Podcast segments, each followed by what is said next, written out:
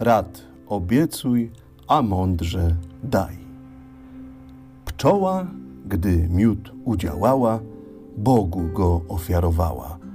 Bóg był wdzięczen, iż go poczciła, a rzekł jej dać, oczby prosiła. Ona Boga jęła żądać, aby jej ten dar raczył dać, iż kogo by ukąsiła, by go dusza opuściła. Bóg się w tej rzeczy rozmyślał, bo ludzi więcej miłował. Aby obietnicę spełnił, pczele prośby tak dopuścił. Gdyby kogo ukąsiła, żądło w ranie ostawiła, swym gardłem go zapłaciła i że się tak chciwie mściła. Nigdy nie chciej tak dwornym być, iżby komu chciał zaszkodzić. Bo co na innego stroisz, sam się rychlej w tym ułowisz.